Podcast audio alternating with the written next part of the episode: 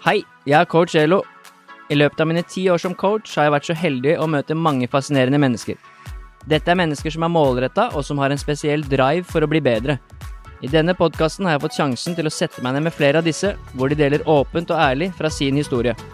Her deler de både erfaring og verktøy som er verdifulle for alle som ønsker å skape en forandring i livet sitt. Har du et mål eller et ønske om å forandre noe i ditt liv? Da er denne podkasten for deg.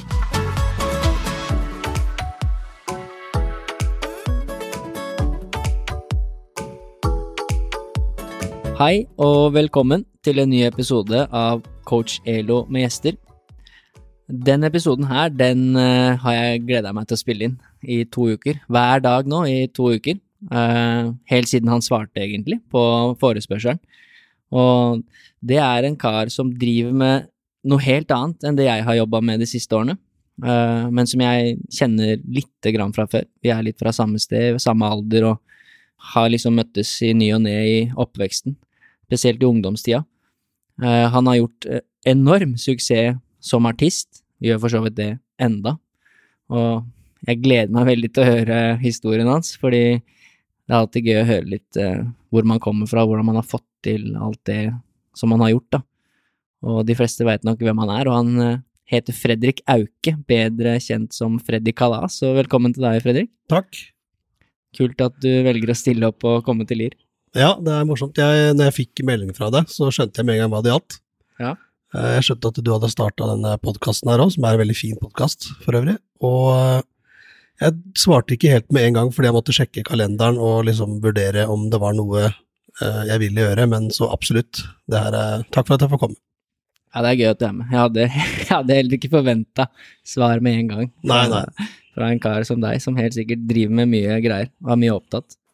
Men du er jo fra Drammen, Ja, stemmer. og du er vel akkurat like gammel som meg, 90, er du ikke det? 90, det er riktig. Ja. Mm. Så vi har jo møttes ved enkelte anledninger sånn opp igjennom. Det er mye promille.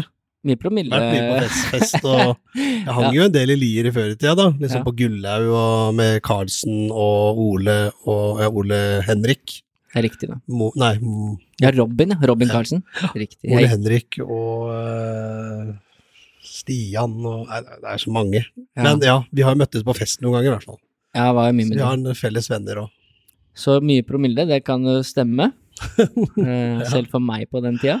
Ja. Eh, og jeg har også hatt eh, promille når jeg har hørt på musikken din Ja, ja. en del i ungdomstida. Kan man unngå det, egentlig, å være full? er det ikke sånn at enten drikker du, eller så starter du å drikke, eller når man hører på det? Ja. for du blei jo veldig kjent i, i nærmiljøet først, og Ja. det, det var du, Det kom litt sånn ut av det blå for meg, husker jeg. For jeg Mm. visste ikke at du dreiv med musikk Nei. før du lagde disse russelåtene og litt Mm. den musikken der. Mm. Og det tok jo helt av, først i nærområdet, og så etter hvert hele Ja. Norge. Ja. Ja. Og jeg gleder meg til å høre litt uh, mer om hvordan det var, hvordan du begynte å lage musikk, og Ja. jeg har hørt noen rykter om noe miksing nede i kjellere og litt forskjellig. Ja, ja, det stemmer det. Vi holdt jo på, da. Uh, men det er klart at jeg starta jo å skrive i ganske tidlig alder. Eh, jeg tror jeg var elleve år da jeg begynte å skrive musikk. Eh, og det var eh, ikke noe sånn at jeg gikk seriøst inn på det på den måten at nå skal jeg lage musikk. Jeg gikk ikke på noen sangtimer, jeg var ikke noen sånn utprega artist eller musikalsk av meg da. Men det starta med Jeg hørte på Tupac. Jeg ser du har en del Tupac i hylla her, noen sånne LP-plater. Det var noe av det første du kommenterte når du kom inn. Ja, jeg kjenner det, for eh, ja, jeg er helt konge. Jeg digger det. Ja, Det er gøy. Men det starta med Tupac. Eh, men jeg kan jo begynne å fortelle litt om eh, bakgrunnen min, da, eller hvor jeg er fra og sånne ting.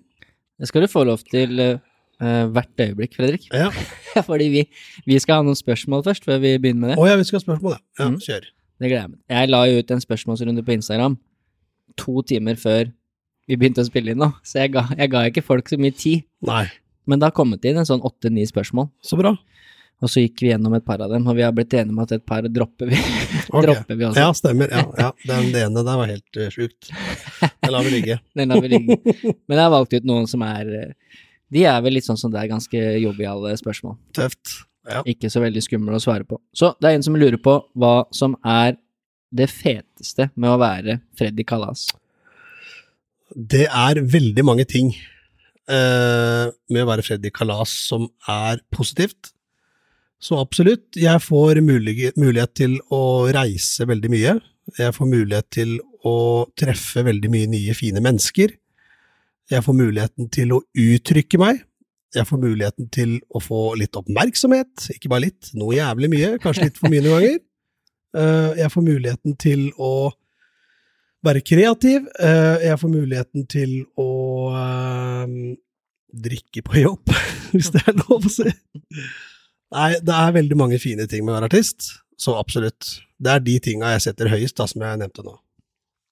Ja, og det siste du nevner med å drikke på jobb, det er jo veldig langt fra min gate i min jobb. For det er ikke like vanlig i toppidretten. Nei da, men det, nei, det er jo ikke det. Men altså, det er ikke det at man drikker på hver jævla spillejobb, det gjør man absolutt ikke. Det er veldig mye, det er familiekonserter, og det er, det er veldig mange ganger jeg hopper over den runden der. Det er litt tull det jeg sier òg, fordi at uh, i starten av karrieren så var det litt sånn, da spilte jeg på en del klubber og sånn, og der får du gjerne servert litt øl og litt godt uh, backstage. Ja, Og da er det naturlig å kose seg litt, da. Men det har, det har jeg roa veldig ned på, heldigvis. Så uh, det er, det er en ganske dårlig utvikling som skjer hvis du skal drikke deg full på hver, hver gang du er ute og spiller. Uh, jeg er stort sett alltid edru nesten på scenen. Virkelig. ja, det Jeg måtte jeg bare si det med en så folk ikke tror at jeg er en sånn useriøs faen. Nei, For det er jeg ikke. men det er lov å tulle litt og, og være seg sjøl. Ja, det er det. Det er bare gøy. Og det neste spørsmålet, det er jo noe, noe i samme gate. Det er en som lurer på hvilken scene som er, eller hvilken plass, da, eller scene som er den kuleste du har spilt på, og hvorfor. Den kuleste scenen jeg har spilt på, er uten tvil uh, VG-lista. Det er på Rådhusplassen, er det ikke? Ja, der har jeg vært fire ganger, og jeg glemmer aldri de opptredenene jeg har hatt der. Fy fader, så moro. Det er Jeg husker en gang så var det vel rundt 70 000 eller sånt der. Det er helt sjukt. Og det der folkehavet, og når de synger til musikken Det er eh, Det treffer meg på et emosjonelt plan, faktisk. Ja. Mm. Å Ja. opptre eller spille, for den saks skyld, eh, idrett, hva det måtte være, foran 70 000, det er det Mm. ikke så mange som får oppleve. Nei. Nei, det er eh, Jeg er heldig. Det er jeg absolutt. Jeg føler meg veldig heldig og privilegert som har muligheten til å gjøre det. Og uttrykke meg, som jeg sier, og oppleve disse her store festene og sammenkomstene og Ja, det er en vill energi, da. Det er, et, eh, det er et kick jeg ikke klarer å oppnå på noen andre måter, faktisk. Ja, det skal vi nok eh, snakke litt mer om seinere i historien din. Kult. Det blir bra. Den siste, eh, siste spørsmålet før vi skal kicke i gang historien din, det er jo egentlig også samme gate. Det er jo en som lurer på om det er noen scener du drømmer å spille på, som du da ikke har spilt på. Jeg tror jeg, jeg, jeg har allerede spilt på den scenen jeg har drømt om å spille på, og det er VG-lista. Det er ikke noe annet. Det er den største konserten som er i Norge. Det er en av Skandinavias største konserter. Sammenlignet med Jeg har jo veldig mange andre Jeg elsker å stå på scenen. Jeg trenger ikke å være en stor scene. Jeg digger å spille uansett, men det er på en måte den scenen som ja, Står du oppå der, da, så føler du deg nesten litt international med en gang, for det er så jævlig stort. ja. ja, 70 000 er rått. Mm. Men eh, det er jo heller ikke gærent at du faktisk har fått stå på den scenen du har drømt om å stå på, da. Det er jo Ja, det er jo veldig Ja, det er jo et evig takknemlighet. Jeg tenker ofte på de konsertene jeg har hatt på VG-lista. Jeg fikk jo muligheten til å spille der med Broiler første gang. For da Det gjorde jeg La jeg ut noen klipp av i stad. Ja, siden jeg gjorde vannski, afterski og båndski sammen med dem, så var dem så ålreite og sa at uh, nå skal du få lov til å synge den live, da, på VG-lista. Jeg var så nervøs. Så husker jeg åssen jeg kledde meg, for det var den gangen da man fulgte med på Paradise. Dette var jo 2011-2010, jeg husker ikke riktig helt, men om det er 2011, tror jeg. Eh, og på Paradise så hadde jo alle gutta hadde på seg shorts og så dressjakke. Det var veldig vanlig før. Det hadde jeg på da. Så når jeg ser på det klippet, jeg blir dritklar. Du er jo fra Drammen, så det er jo det er mange av de karakterene er kanskje, kanskje greit likevel, ja. Men Det jo- eh, det var det, du hører, hvis du hører på klippet, eller ser på klippet, så hører du også hvor nervøs jeg var når jeg kom inn der. Det er nesten som en sånn der, to sånne bein som ikke klarer å stå på skøyter. Bare se for deg det i stemmeversjonen, liksom. Jeg syns det er litt gøy at du nevner, fordi jeg la ut det klippet i stad. Ja. Eller deler av det. Mm. Og da hørte jeg det. At Ja, du hørte det, det var, ja. Det var tidlig i Freddy Kalas sin karriere. ja Det hørte man. virkelig. Ja, det var før alt med Freddy Kalas, så jeg hadde jo ikke veldig mye erfaring heller. Jeg ble kasta på den største scenen første gang, liksom. Og det er jo helt Det var en sprø opplevelse, det levde jeg lenge på. Så, Det er. Det er kult at du nevner eh, det med broiler der, fordi Mm. at det skal vi nok snakke litt mer om seinere i historien, da. Ja. Men eh, broiler har jo blitt veldig store, mm, og de blei veldig populære med det albumet der, med Ja. vannski og afterski og mm, Og for oss, da, fra nærmiljøet, disse sangene om Hokksund og Mjøndalen og sånne ting. ja, stemmer. Eh, fun fact er jo at han ene i Broiler bor i Mjøndalen. Ja. Så det, Det er morsomt. Ja, Eh, Det er litt typisk Mikkel å gjøre det, ja. faktisk. Han tenker at ok, jeg synger om Mjøndalen, nå skal jeg flytte dit. Skal jeg være broiler på økte for han. Ja. Han lever, i- han gjør det han vil. Ja. Det er sånn han kan gjøre Han lager stor, mye humor ut av lite, da, for å si det sånn. Det er typisk han, så det forundrer meg ikke at han flytta dit bare for å være broileren, liksom. ja. Og så har han jo Det er jo det er sikkert eh, styggere hus i Mjøndalen enn det han har fått seg. Det er en veldig, ja, det er en flott bolig, altså. Herregud, for en nydelig fasade og veldig fin utsikt og ja. Det er veldig kult. Men det var jo også, som du sier, i 2010-2011, hvor du var med litt inn i broiler der. Ja, Og- stemmer. Din bror er jo med, en av gutta i broiler, og han driver jo med det enda. Det gjør han. Simen heter han. Simen heter han. Må da fortsatt på med det. Han bor et steinkast unna meg på Skålen. Vi, eh, vi, jobber, vi har alltid jobba bra sammen. Vi får det til på en eller annen måte. Det er den derre ja, Jeg vet ikke om det er brødregreia som, som er greia som ligger i bånn der, om, det er- fordi vi er i samme blod eller ikke, men vi jobber i hvert fall veldig fint sammen og får til veldig mye bra. Jeg og Mikkel og for øvrig, selvfølgelig. Uh, Ja, for dere hadde jo Vi skal også innom det. Det er mye vi skal innom. ja, ja, Dere lagde jo årets russelåt i 2011, du og broren din. Ja, og stemmer. under litt andre navn, da, Ja. enn dere er nå, og det er, det er nok mange som husker den sangen. For meg er det litt nostalgi, i hvert fall. Det er morsomt, jeg husker Simen sa nå har jeg en instrumental her. Det er til en russebuss som heter Cannabis. Fredrik, du liker reggae og Jamaica og den pakka der, det er deg. Ja, ok, greit, det er det. Jeg fikk det stempelet. Jeg var veldig glad for at jeg fikk det, fordi jeg blei sendt ned i vokalboksen nede på morgenen. Jeg sto i bokseren og spilte inn dette her. Først gikk jeg på kontoret til pappa og skrev øh, en tekst. Så fløy jeg rett inn i studio og spilte, jeg tror det var ett et take, ja, så var vi ferdig. Det gikk veldig fort, og det kom veldig naturlig ut. Jeg tror egentlig jeg hadde venta lenge på å få ut disse, uh, disse vibesa, disse reggae-vibesa, eller den her uh, patois, da, som jeg mente jeg var så jævla god på da. Den skulle på papiret, og det her skulle vi Det kom så fort. Så det må ha vært derfor, da. Det er sikkert bare all kraften i én push. Også. For det senere har jeg ikke klart å få, få det så tight, faktisk. Så jeg er veldig fornøyd med hele den låta, den pakka der. Ja, Cannabis-låta er, den er fett. Den har gått på spiller, min, som jeg sa til deg i stad, løpelista mi i mange år. Løpelista, ja, så den er god og trent jo, Ja. sikkert. Ja. Ja, Ja, ja. Det er mye med, med EDM og trening og litt, litt fart, selvfølgelig. Ja. Ja. Dette har jo ikke noe med det å gjøre, sånn sett, det var bare den jeg kom på, men du har en sang som heter Feel the Rush, Ja, som, som er, den har blitt streama over 50 millioner ganger. Mm. Den er for øvrig òg mye på løpelista mi, ja, men er, den er jo litt sånn gata der, er den ikke det? Det er litt sånn det er, reggae- det er det, Ja. virkelig. Eh, den er uh, Det som er morsomt med den låta, da, det er det at uh, først så laget jeg en låt som heter Happy Rush. Dette var til Melodi Grand Prix. Dette er Melodi Grand Prix-bidrag, den låta her, i 2016? 17? 16, tror jeg det var.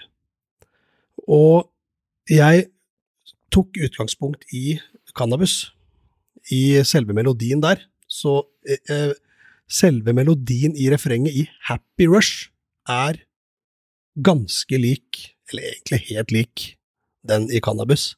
Så jeg hadde litt annen tekst, bare. Egentlig en jævlig fet låt, det òg, men så ble jeg diskvalifisert. Fordi jeg gjorde plagiat av min egen låt. Ja, det er ikke lov. Så, nei, jeg og Fredrik Karlsen kom med ikke bare én pekefinger, men to, og sa dette går ikke. Og da ble jeg diskvalifisert. Likevel så gjorde jeg jo ikke det. For han ville jo egentlig ha meg der, men han måtte liksom følge Han måtte vise, sette ned foten og markere seg litt. Men jeg fikk jo bli med, så jeg skrev om det refrenget til da Feel a Rush. Så det er litt sånn morsom greie. Det er liksom første anklage jeg har fått i avisa. Oppslaget hvor jeg har blitt pekt på som en jævla juksemaker. Og det stakk litt for første gang, faktisk. Men uh, jævlig bra. Den- den- den God PR. Ja, den har i hvert fall gjort det bra, den låta, da. Har Ja. blitt uh, streama nå Jeg sjekka vel litt tall, jeg er jo statistikknerd. Den er over 50 millioner ganger streama, så den har jo gjort det relativt bra, da. Ja, ja, det er veldig, veldig gode tall. Jeg er veldig fornøyd med det til å være en eh, jukselåt, så det er jævlig bra. Nei, men jeg fikk, eh, jeg fikk andreplass, faktisk, i MGP med Ja. den låta. Det er jeg knallfornøyd med, liksom. Det husker jeg godt. Jeg fulgte litt med den tida der. Så det er morsomt. Ja. Men vi var jo inne på det at du har en bror som eh, spiller i broiler, eh, Simen. Og vi skal jo starte egentlig din historie med å snakke litt om oppveksten din. Mhm. Og da vet jeg at det blir litt prat om søsken. Ja. Fordi at du har mange søsken. Å, herregud. Ja. Unaturlig mange, på en måte. Ja. Eh, og så skal du forklare litt hvorfor du har det, og litt hvordan det var å vokse opp. Eh, det er en annerledes oppvekst da, Ja, enn de fleste andre har. det, det er det. Ja. Så du kan egentlig bare få begynne, Fredrik, med, med din historie og, og oppveksten din, og hvor du er fra alt, hele pakka. ja. Jeg er oppvokst i en eh, familie som har eh, kristen bakgrunn. Min far er oppvokst i Smiths venner, og han blei da eh, Fant mamma, som ikke har bakgrunn i Smiths venner. De gifta seg i en alder av 19, jeg tror de møttes først da var, mamma var 17, litt usikker, men de gifta seg i hvert fall da hun var 19, og da ble hun også med. Og det er veldig, et veldig fint og godt samfunn å være i, men det er ikke en trosretning jeg har. Og så er det det at i dette samfunnet så er det det at eh, det å få barn, det er en gave fra Gud, og hvis man har samleie og får barn, så er det bonus. Da får du barn, så er det bra, og den gaven skal du fortsette å få hver gang. Altså har du samleie, da, så kan du ikke da bruke dong, eller p-piller, for den saks skyld. Eh, så da blir det jo litt mange barn, da. Men at det, at det skulle bli syv brødre, det syns jeg var litt eh, Jeg har jo ingen søstre. Dette er samme mor og far, altså. Dette er liksom Du har syv brødre, Ja, syv brødre. Helbrødre. Ja. så det vil si at dere er åtte stykker. Vi er åtte stykker, ja. Ja. Og så er det stesøsken nå seinere, da. For det, Ja, okay. Ja. det ble en skilsmisse til slutt, som var ganske tragisk. Hele søskenflokken ble jo splitta. Uh, og det er vel en av de tyngste tidene i mitt liv, faktisk, siden vi allerede var det var, det var liksom litt sånn tabu å skille seg, kanskje, da, i Smiths venner, ikke sant? Og når man vet at Eller alt er trygt, alle tanter og onkler, alle er gift. Altså, det er en selvfølge, da, at man er gift. Og hvis man da bryter ut av det, ikke sant, så kan det jo skje ting som at hvis du, du skal vente til ekskona di eller eksmannen går bort da, før du kan gifte deg på nytt og sånn. Og siden det var sånn, og begge ville gå videre, så blei jo da vi eh, Da måtte jo vi ut.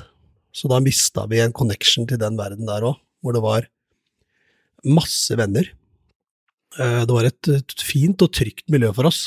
Eh, og ja, det er jo en tragisk eh, Det er jo ikke bare det at søskenflokken splittes og mamma og pappa skilles og det der, men vi gikk jo ut av et, eh, et sted, en verden vi tilhørte, på en måte. Det var eh, Verden utenom var ikke det samme for oss da. Eh, og det, det har prega oss veldig, vi brødre. Mm. Før vi går videre, da, på, på hvordan, hvordan måte har det prega dere? Jeg, jeg tror det er veldig mange positive ting, og også noen negative ting, faktisk. Eh, men det er det stort sett med nesten alt. Jeg tror det negative kan være at du kanskje ikke får direkte fokus på deg fra foreldrene alltid. Det vil ikke si at de ikke har lyst til å fokusere, men det blir så jævlig mange barn, og det blir så utrolig mye å tenke på, så kjærligheten blir nesten litt sånn Det blir på en måte en litt mer sånn kollektiv kjærlighet, hvis det, Ja. hvis det er lov å si. Men det er liksom vi har, har, man, har, man er vant til å vokse opp i flokk, man har brødre som passer på deg.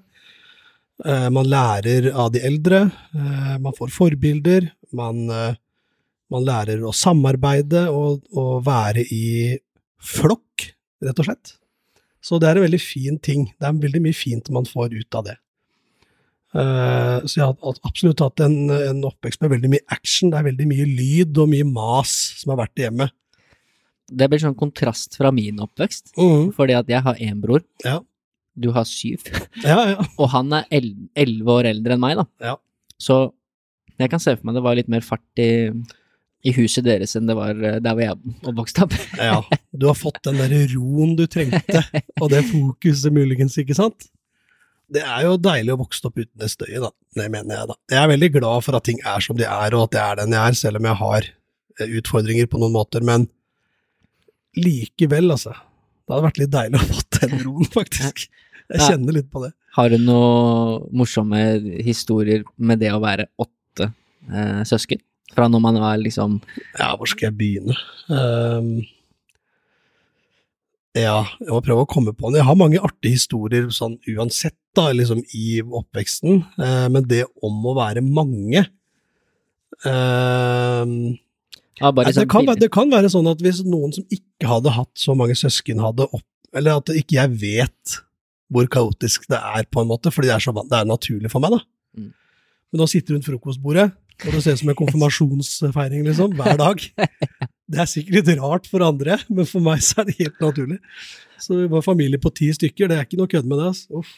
Ja. Nei, det var litt sånne ting hvor liksom jeg kan se for meg dere Jeg får bare sånn bilde i hodet. Jeg ser for meg dere dra på ferie eller tur, eller Ja, ja, vi hadde minibuss, da. Ja. Det er jo et helt fotballag det så, Ja, ja, med innbyttere når det er sjuer. Ja. du kan sammenligne det med det, ja. En sånn fotballtur eller tur til trening eller kamp, da. Ja. Men du har eh, kontakt med alle brødrene dine. Det er nesten litt vanskelig kanskje å ha kontakt med alle, og ha ja, det er jo det. Noen driver med sitt, og så er det kanskje litt uh, uenigheter der og litt sånn uh, småtrøbbel mellom noen. Og? Det er jo alltid litt sånn, da. Men uh, jeg vil si at jeg har ganske god kontakt med relativt, relativt god kontakt med brødrene mine, ja. Ja, men det er kult. Mm. Jeg hvis vi går litt videre etter hvert, fordi vi kommer, eh, som jeg nevnte, så kommer vi nok litt inn på noe av dette. Du nevnte at det var en tung tid, Ja. selv om vi tuller litt nå om at det er mye søsken og sånn. ja, ja, ja. eh, Å gå ut av det med Smiths venner og miste litt den plattformen. Ja. Og selvfølgelig, jeg også har foreldre som har gått fra hverandre. Det Mm. preger deg jo som barn Ja, ja, ja, ja. når det skjer. Visst, visst, visst. Men for å hoppe liksom litt fram, da, til uh, den reisen som du har blitt kjent for nå, Mm. den er jo også ganske fascinerende, syns jeg. Mm. Eh, hvordan er det du som begynte med musikk? Du nevnte at du spilte litt i rockeband og sånn, før du Ja. begynte med det andre her. Rockeband kommer litt senere, men som jeg sa, så starta jeg da i en alder av 11 å skrive musikk etter jeg hørte mye på Tupac, mye rap. Eh, Det var, jeg hørte på alt mulig, men det var liksom i den perioden da, hvor Tupac liksom var min helt, da. Og det hørte jeg på fram til jeg begynte på ungdomsskolen. Eh, og som jeg sa, jeg skrev da jeg var 11, jeg lagde en par låter da jeg var 12-13, tror jeg, eller noe sånt Uh, som ble spilt for venner og sånt. Da. Det var liksom Det var uh, Svelvik-engelsk all the way, men det var faktisk ikke så gærent heller, har jeg funnet ut av. Jeg var faktisk litt flink i engelsk da jeg var 13, faktisk, det må jeg si. Så det var litt morsomt. Uh, men da jeg begynte på ungdomsskolen, i åttende klasse, så uh, var jeg da ordentlig fan av Tupac. Og det var Snoop Dogg, og det var Nate Dogg, og det var uh, Dre, altså alle de gamle, gode heltene, da. Disse som du også Mange av de som ligger borti hylla mi der, Borti hylla der, ja. Tenk at dem driver og følger med på oss nå. Det, Ja.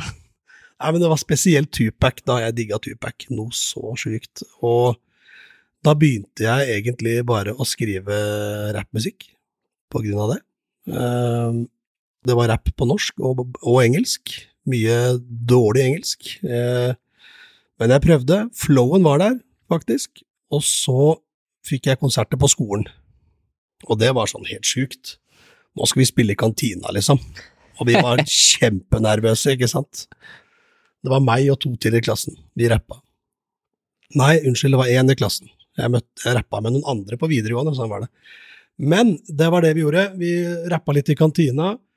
Eh, og så hadde vi et skoleprosjekt eh, som handlet om byhengere i Drammen. Og da lagde vi en sang som heter Byhenger. Og den, vi fikk, eh, vi fikk holdt på å si ternekast, vi fikk karakter fem. Det var vi veldig stolte av.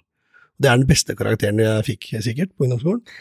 Bortsett fra gym, der var jeg flink. Jeg var brifa med, til læreren vet du, med sånne med tegningsapparater. Det var liksom ikke med, det var ikke en del av gymmen, men jeg skulle liksom vise meg fram da, for å få den rette karakteren, og jeg tror det var derfor jeg fikk den. Uh, nei da. Men uh, vi, uh, vi fikk femmere, og så danna vi et rockeband til slutt, og under en sånn uh, litt artig greie, fordi vi hadde skoleavslutning, og bandet vårt het Red Faces, fordi vi var så kleine, ikke sant? Vi ble røde i trynet da, hele tida. Vi hadde én konsert. Men vi ble røde i trynet hele tida, sier jeg. Fordi det var så flau musikk også. Det var så utrolig dum tekst. Det var en låt som heter Bjarte Mental. Og det handler om eh, Ja, det husker jeg ikke, men Karl Johan husker jeg. Karl Johan bodde på Karl Johan, og han malte personer som gikk forbi i fart. Og that's it. Ja, det, Det er sjukt grelt, liksom. Det er, det har skjedd mye fra kantina på ungdomsskolen og ja, det fram til nå. det har Ja, og jeg er glad altså Jeg har i hvert fall fått eksperimentert på det rareste, liksom. Men det her skjedde inn en kirke, og vi sang jo om faenskap og alt mulig, så det var liksom litt rar kombo òg. Jeg vet ikke om presten var til stede ja, når vi sang disse sangene, men Men det var én konsert, det var ikke noe big greier, det. Kort tid i et uh, kjempeteit rockeband, så egentlig ikke noe å skryte av, men noe å le av mer, egentlig. Uh, men jeg starta på VGS, så eh, gikk det fortsatt i Tupac, faktisk. Det var uh, alltid på øret. Jeg husker jeg hadde sånn Tupac-kjede, en sånn pistol det sto Tupac på.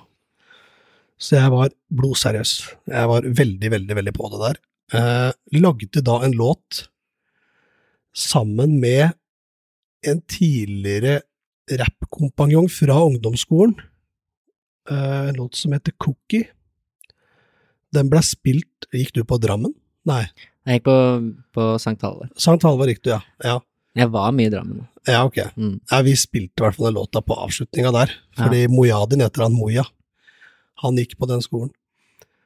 Så vi holdt konsert der, i Drammenshallen, og så holdt vi konsert på Åssiden, VGS.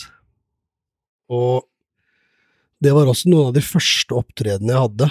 Eh, og jeg var så nervøs. Jeg ser sånn video hvor jeg står på scenen, og så går jeg i ring og rapper. Ja, det ser helt uh, Det er morsomt å se på, faktisk. Det er jo Stine uh, Sjøgren, du vet jo hvem hun er? Hun filma dette, eller du har den filmen, i hvert fall. Det er morsomt. Det er morsomt å se liksom hvordan det var, eh, hva jeg starta med, og hva det er i dag, faktisk. Det er veldig rart når jeg tenker over det nå. Det er det som er Kontrasten, liksom. Ja, det er det jeg syns er litt gøy, da, med alle sin historie. Mm. Som har gjort, som vi snakka litt om i stad, først hva folk definerer som suksess, da. Men innenfor musikk har jo du uten tvil gjort suksess. Ja. Eh, og så kommer man jo fra Tupac-kjeder og Ja. konserter i kantina, rockeband og ting som eh, Ja. Det, er- det har økt nivået litt siden den gang. ja. Det, det har blitt eh, mildt sagt mer seriøst, ja. Det har Ja. det. Eh, men så er det på en måte utforskningsfasen. Jeg tror ikke jeg hadde Jeg hadde ikke vært der jeg var i dag hvis ikke det var for det. Så litt eksperimentering har jeg fått veldig mye mulighet til å gjøre, og det er jeg veldig glad for, for jeg er selvlært. Jeg har ikke noe, jeg, er ikke, jeg har ikke gått noen sangtimer, som jeg sa. Jeg har ikke Jeg spiller egentlig ikke noen instrumenter heller, så det er gøy å spille litt eh, piano, liksom. Men det er ikke noe, det er ikke noe sånn Jeg er ikke noe utprega utøver av instrument, liksom. Eh, ja. Eh, men eh, også russelåtene, selvfølgelig. Der fikk jeg veldig mye stort spillerom på å eksperimentere. Der hadde jeg eh, Og det er derfor jeg kanskje slapp Jeg slapp både liksom gode og dårlige låter, da, selvfølgelig. Det var jo ikke alt som var bra, men det var alt som jeg liksom Der fikk jeg uttrykt det. Så, ok, der gjorde jeg en feil. Hva gjør jeg neste gang? Men stort sett så var det veldig mye fint, og det fikk heldigvis mest oppmerksomhet. Det som var bra, og det jeg var fornøyd med. da. Naturligvis. Ja, det husker jeg godt, eh, disse som vi var inne på, disse russelåtene som du begynte å lage. De ble jo veldig kjent i nærmiljøet hos oss, Ja. Drammen og omegn. Og Mm. etter hvert så blei det jo større. De Ja. Jeg tror jeg nevnte det i starten, i 2011 så lagde du årets, ble kåra til årets russelåt, Cannabis, og ja, stemmer. det Det er jo en stor arena, selv om det Du gidder jo ikke lage russemusikk nå, men på den tiden var jo sikkert det noe av det største man kunne drive med, da. I den situasjonen du var i, kanskje. Det var jo det da. Eh, Det var jo mye større enn å skoleavslutninga, liksom. Det var eh, Det var litt penger å hente, og det var publisitet, publisitet. Også en sjanger som jeg blei veldig glad i, da. EDM. Jeg var ikke, noe, var ikke der før. Det skjedde først eh, rundt den tiden der. Og spesielt da Swedish kom også, så blei jeg jo helt bitt av basillen. Elsker jo det med dag, det de gjør. Og Axel Grosso for så vidt. Så house blei min greie gjennom russemusikken. Og det har vel egentlig bare vært Ja, holdt på med det siden EDM. Det er mye av det jeg lager som er EDM, men det er veldig mye som er pop også, selvfølgelig. Men EDM er liksom der Der starta det noe i meg. Der kom den flammen. Ja, for du forteller jo om en liten reise her i musikken nå, fra hiphop til rockeband Mm. til EDM house. Ja. Eh, Det er jo en liten reise der også. Og nå, som du sier, nå lager du kanskje en sånn slags miks av EDM og pop? Uh, Ja, noe Altså, Pinne for landet er jo det. Ja. Og, og um, Feel a Rush er jo også det. Min siste låt, Shotski, er også en EDM-låt. Så EDM er det som står, står meg nærmest, da. Det er det jeg liker best. Å synge med store vokaler, høye vokaler. At det har kick, har bass, og, men at det er poppa, da. EDM er jo pop. Eh, eh, elektronisk popmusikk. Så det må være det. Eh, det musikk som på en måte er veldig sånn jeg kaller det progressivt. Eh, Jeg liker jo det for så vidt òg, men det må liksom være noe fengende da, for at jeg skal digge det skikkelig. Og det er uten tvil eh, det du har blitt kjent for, at du har fengende musikk. Ja. Jeg nevnte litt i stad, det er jo Ja. disse låtene dine er jo helt umulig å ikke få på hjernen. Det er litt sånn slemt av meg. ja, det er nesten sånn manipulerende tekst. Du, blir så, du får det så sinnssykt på hjernen, da. Pinne God, og- god måte å manipulere på, liksom. Ja, men det er jo- hyggelig sagt, uh, Elo. Takk. Jeg tror de fleste i Norge som, som har hørt Pinne for land og Jovial, kan de liksom Det bare kommer helt naturlig, når man, for det går ikke an å Nei, nei. ikke få det på hjernen. Det er jo gøy at de lever såpass lenge som de gjør òg. Det hadde jeg aldri regna med. Nei. Så det er veldig morsomt. De lever i beste velgående, tror jeg. Men når du begynte å lage russemusikk, så gikk du under et annet navn, Ja. som kanskje ikke alle vet, da. Og da het du Freddy Genius, Yes. og det er jo det navnet du gikk under når du lagde Cannabis 2011, da. Ja, korrekt. Hvordan var liksom det den der? For da var jo broren din Simen A, var det ikke det han kalte seg? Jo, jo. Simen A, eller Simena, Simena, som folk ja. kalte den. Han er jo da i broiler i dag. Ja. Og det som er litt morsomt, er at uh, Freddy Genius kommer fra navnet Freddy G, som jeg da kalte meg på ungdomsskolen og videregående. Men jeg kan ikke kalle meg Freddy Gangsta, vet du, når man er, eh, nærmer seg 18 og sånn. Da, må man, da er man voksen og veldig seriøs. Så da blei det, da ble det en gen til Genius. Da.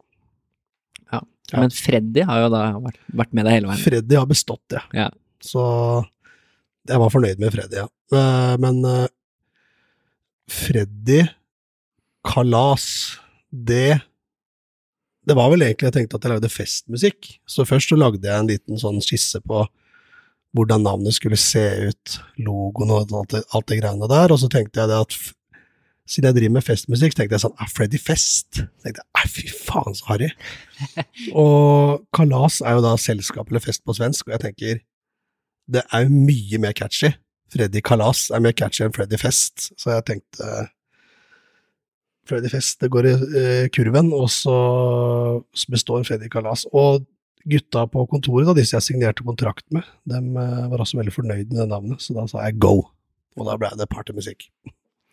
Og da kom jo Pinne for landet, var ikke det en 2014-15 den tida der? Jo, det er slutten av 2014, altså det var, eh, var det andre juledag 2014, tror jeg. Ja. Uh, og den ble publisert via Broiler sin kanal. Eh, den var jo veldig i vinden da, og folk digga jo den type sjangeren, siden de hørte jo også på uh, Banshee, Afterski og Bonski også på den tida. Så dette var på en måte en oppfølger, da, kan du si. Ja. Så den slo, gikk rett på førsteplass på Spotify. Eh, og mye av den grunn at det var sjangeren som var i vinden den gang nå. Den gang også. Mm.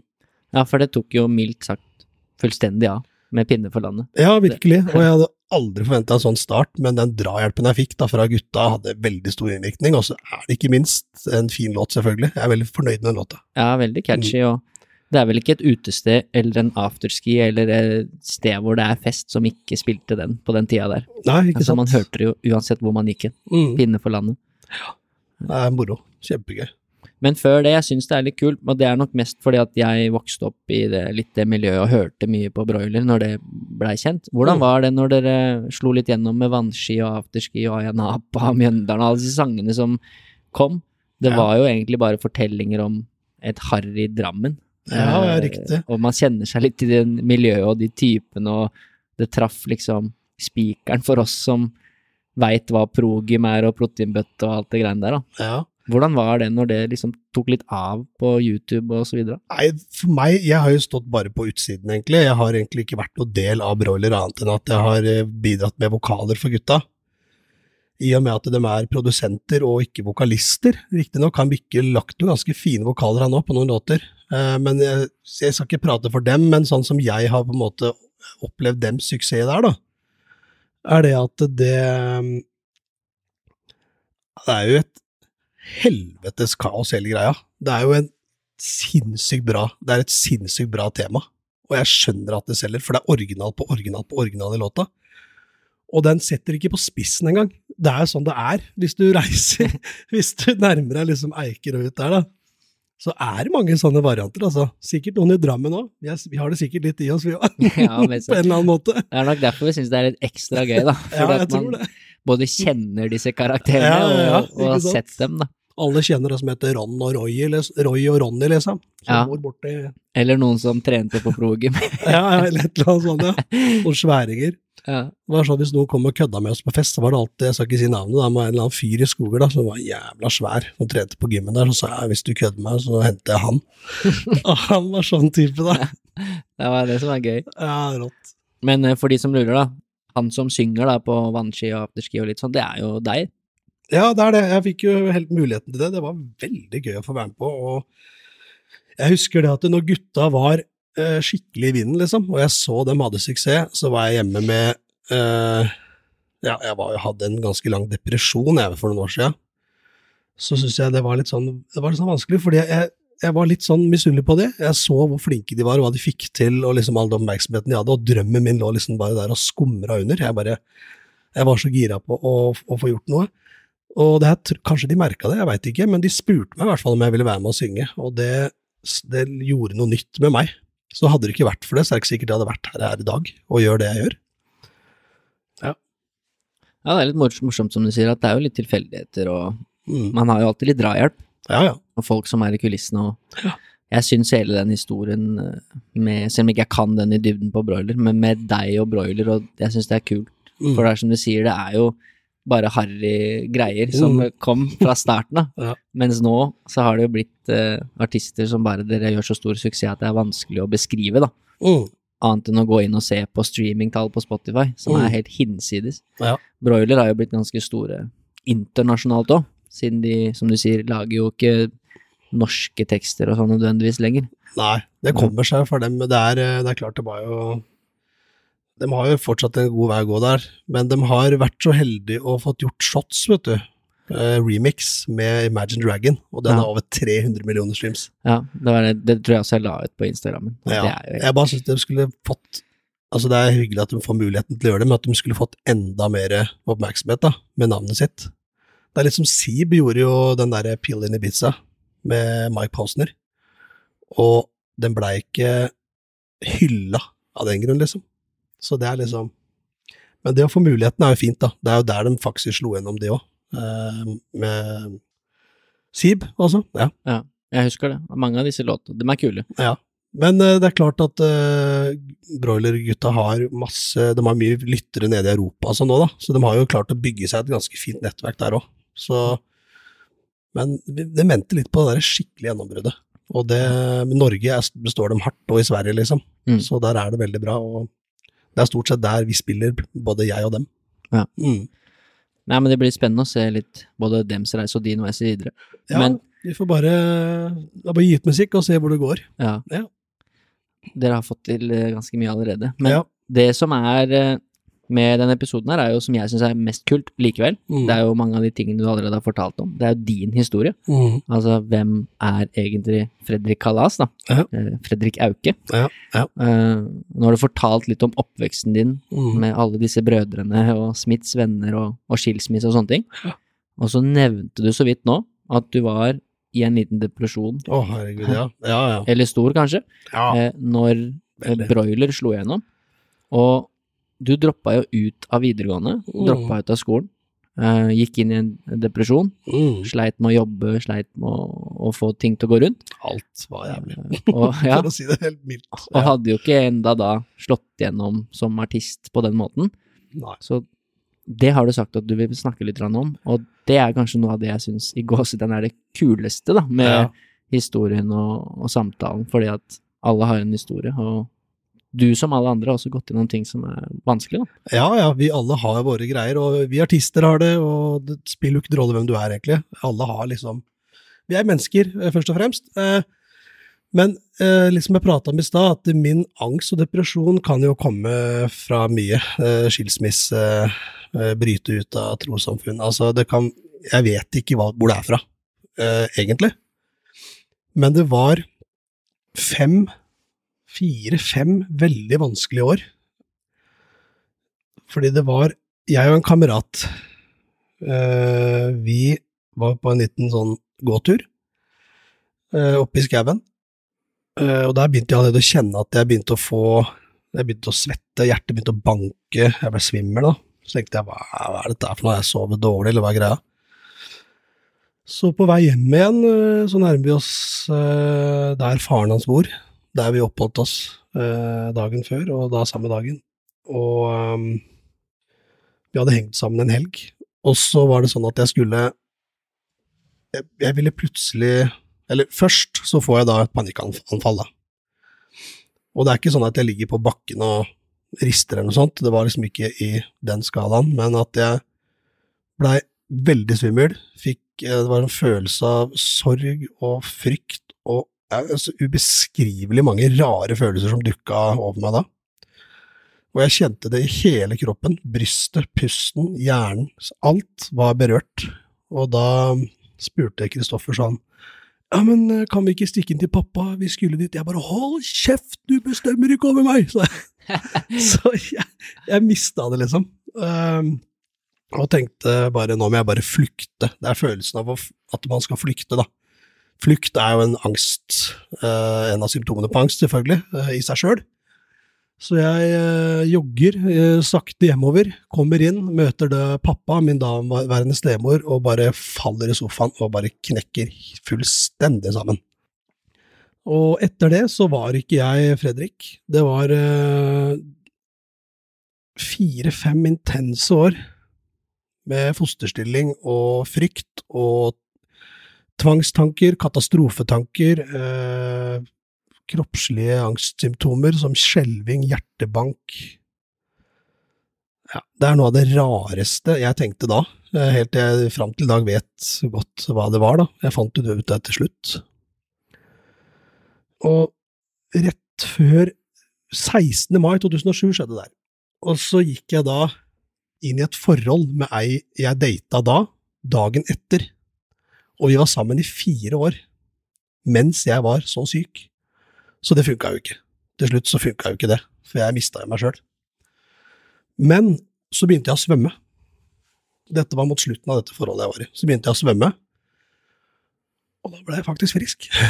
Det var mange år hjemme, jeg ble frisk etter svømminga. Eh, Jeg hadde begynt å jobbe litt under den perioden, og jobba typ fire timer på et callsenter i Drammen. Det holdt jeg på med i to år, så jeg, jeg kom meg akkurat ut, liksom. Jeg fikk akkurat uh, sette meg på en buss, dratt til Drammen, uh, komme meg på det callsenteret, og det var hardt å komme seg gjennom den dagen da. Da jobba jeg bare på kvelden, da var det ikke mange på vakt engang. Likevel så var det så, jeg- Ja, bare jeg snakker om det nå, så kjenner jeg det. Uh, det var mye Det var veldig mye Jeg var veldig forvirra og veldig, veldig lost. Veldig, veldig, veldig lost. Jeg visste jo egentlig ikke hva som hadde skjedd med meg. Men de, den jobbinga jeg drev med der, hjalp meg jo litt. Det gjorde meg jo litt friskere, kanskje. Og så husker jeg jeg jobba på, på Mester Grønn, oppe på her oppe. Hva heter det oppe der? Liertoppen, Ja, selvfølgelig. det er riktig. Nå var jeg ikke rutinert. Eh, og der også hadde jeg en del episoder, da. Da jobba jeg på et callsenter der også. Og da husker jeg jeg hadde så mye panikkangst. Men dette er veldig fjernt for meg, fordi det var en sånn mørk og vond og rar tid, så jeg klarer ikke å forklare noe annet enn forvirrende, Ja. egentlig. Men eh, nok med det. Jeg eh, begynte å svømme. Holdt på da i halvannet ett år, halvannet år. Og da var jeg fullstendig frisk igjen, da. Så da, det jeg har skjønt og erfart, er at eh, svømming, eller å være i aktivitet, holder deg unna mye støy i hjernen. Når du ikke beveger deg, hvis du går mye hjemme og ikke har noe å gjøre, så vil hjernen din reagere da med frykt, avsky for deg selv og andre, overtenking, depresjon og lignende. Nå veit jeg ikke årsaken til at jeg fikk angst og depresjon var fordi jeg slutta på skolen og var hjemme, men det var en trigger. Mm. Fordi det å holde, liv, holde det gående Vi er ikke skapt til å sitte stille, vi er skapt til å bevege oss og, og gjøre ting og ha rutiner. Det er det aller, aller beste. Mer eller mindre, da. Det, er, det forandra meg veldig, og det, det bærer preg av det litt i dag enda, faktisk. Eh, Jeg gjør det. Men eh, fysisk aktivitet, det er helt konge. Jeg begynte å svømme igjen nå for et halvt år siden, og det også har gjort meg til en mye, mye bedre Hva skal jeg si gjort, eh, Jeg er mindre nedstemt, da, for å si det sånn, og har mer overskudd. Mer kreativ. Svømming er for meg da liksom terapien, da. Ja. Mm. Fysisk aktivitet, da. Fysisk aktivitet generelt, og Ja. Spesielt vil jeg si svømming, fordi svømming også har en effekt på hele kroppen, og det er noe med å være under vann og pustinga. Dette gjelder all trening, men øh, jeg tror generelt sett at svømming er en liten sånn meditasjonsgreie, da, på en eller annen Mm. måte. Og det er jo litt eh, som du sier, at eh, Eller du forklarte det når du fikk dette panikkanfallet, Mm. at det påvirka pusten din. Og det gjør det jo, til Ja. aller høyeste grad. Og Mm. noe du alltid har med deg Mm. Resten av livet, er pusten din. Ja. Den er der hele tida. Ja. Uh, og det er som du sier, når du svømmer, så trener du veldig bevisst på pusten. Det må du gjøre for å få det til. Ja, akkurat. Så det blir sikkert en uh, type te- terapi for deg, da. Uh, det er som du sa, du har funnet ut litt mer i voksen alder og oh. hva dette var for noe, og du har kommet deg gjennom den perioden og ser tilbake på den litt sånn Liksom du forstår ikke helt, liksom Nei. Vanskelig å forklare det, da. Men du droppa jo ut av videregående. Det Ja. syns jeg er en sånn fin greie å prate litt om. Ja. For at du Ja, hva var grunnen til at du gjorde det? At du liksom slutta på skolen? Fordi i 2007 så kom det her, og vi er jo like gamle. Det vil si Mm. at du var 17-18 år da når det her skjedde. Ja, stemmer. Nei, grunnen til at jeg slutta på skolen er vel egentlig bare fordi jeg eh, Jeg tror jeg bare ville ta et friår. Og så var det det at jeg visste at eh, det jeg gikk jeg gikk, jeg gikk jo på design og håndverk. Det er et kreativt, eh, kreativ, eh, et kreativt fag, da. Og det er jo noe for meg på veldig mange måter, men hva skal jeg bli ut av det, da? Skal jeg bli kunstner? Skal jeg liksom Skal jeg lage potter? Skal jeg, ikke sant? Det var liksom det vi dreiv med der. Og det er veldig gøy og artig, alt det der, men jeg veit ikke om jeg kunne leve av det, følte jeg. Andre året gikk jeg interiør- og utstillingsdesign, og det er sånn derre nye butikkvinduer, liksom, som driver og kler på dokker og stiller ut Hvis jeg, du er på Ikea, da, og hvis jeg hadde vært utstillingsdesigner, så hadde jeg stilt ut ja, forskjellige Kjøkken skal være sånn, og en stue skal se sånn ut. Det er liksom utstillingsdesigner, da. Mm. Men jeg veit egentlig ikke hvorfor jeg gikk det, og jeg skjønner ikke hva som fikk meg til å gjøre det heller. Jeg bare trodde det var bra, jeg hadde ikke noe oversikt. Jeg visste ikke hva jeg ville, og så har jeg tenkt i etterkant at jeg egentlig ville være snekker, da, ikke sant? Det er mange år etterpå. Men eh, det er kanskje en av grunnene til at jeg ikke visste hvor jeg skulle hen, og hva jeg ville gjøre. Eh, og dette her med at jeg skulle ta det friåret, da, som jeg tenkte. Eh, men da skjærte jo alt seg rett etterpå. Men kanskje det var en bra ting òg, fordi det er ikke sikkert jeg hadde gått gjennom disse tingene, eller kall det diagnoseperioden, eh, hvis ikke jeg hadde slutta på skolen. Hvem veit? At det var en sunn tid for meg. Jeg dykker litt ned i gamle ting, og rydde opp litt, eventuelt. Det tror jeg er viktig for alle. Og så Mm. tror jeg det er mange som kan kjenne seg igjen i det med å Kanskje enda, men spesielt i den alderen ikke vite helt hva Hva jeg har lyst til å drive med? Hva, Ja. hva skal jeg studere? Hva skal jeg bli? Mm. Hva er riktig for meg? Og det Ja. finner du jo ikke ut kanskje før du prøver, da. Eh, Nei. Og finner ut at dette var ikke for meg. Ja. Du må jo prøve det først, liksom. Ja. Uh, og så har du jo, da, uh, ironisk nok, uh, på mange måter blitt en kunstner Mm. innenfor noe annet. Men det er jo ikke noe tvil Ja. om at det er det du er. Mm. Og det er kult å se liksom den suksessen og alt du har oppnådd. Mm. Selv om du droppa ut av skolen, da. Ja, ja. Det, er, det finnes så mange veier til Ja, å. Få til livet. Det gjør det, men det er ofte den oppskriften folk eh, fokuserer litt på, da, ikke sant, at får du deg en utdanning og får du deg eh, inn i noe fast, så trenger du ikke å tenke på liksom, å strebe med å tjene de pengene, da. Og det er, gans det er ganske fin ting òg, at folk gjør det, men øh, og jeg skjønner det, vi er ganske mange mennesker, alle kan ikke leve den store drømmen, da, i gåsetegn, liksom. Eh, men, men det å i hvert fall forsøke, da, å følge drømmen sin, er det absolutt verdt. Det er du et veldig godt eksempel på. Og det er det som er kult med historien din. Og vi skal jo prate litt om det nå. Mm. Hvordan er det å være en eh, artist av ditt kaliber, da, som har eh, Jeg er litt nerd igjen, da. Over 250 millioner streams på Spotify. Og 300 nå. Over 300 nå, ikke sant? Ja. Det er sinnssykt. Altså, hvis jeg hadde streama så mye i den podkasten her, så kunne jeg slutta med alt annet jeg Ja. dreiv med, og lagt beina på bordet. Men hvordan er det? Kanskje kan du beskrive først hvordan Husker du første gang du liksom følte at nå har jeg slått igjennom? Nå er jeg på en måte Dette kan, dette kan bli til noe stort, da. Husker du det? Du snakka litt om VG-lista med broiler og Ja, men da følte jeg på en måte ikke at jeg hadde slått gjennom med noe eget, da, men jeg følte jeg i hvert fall hadde fått kjenne på det.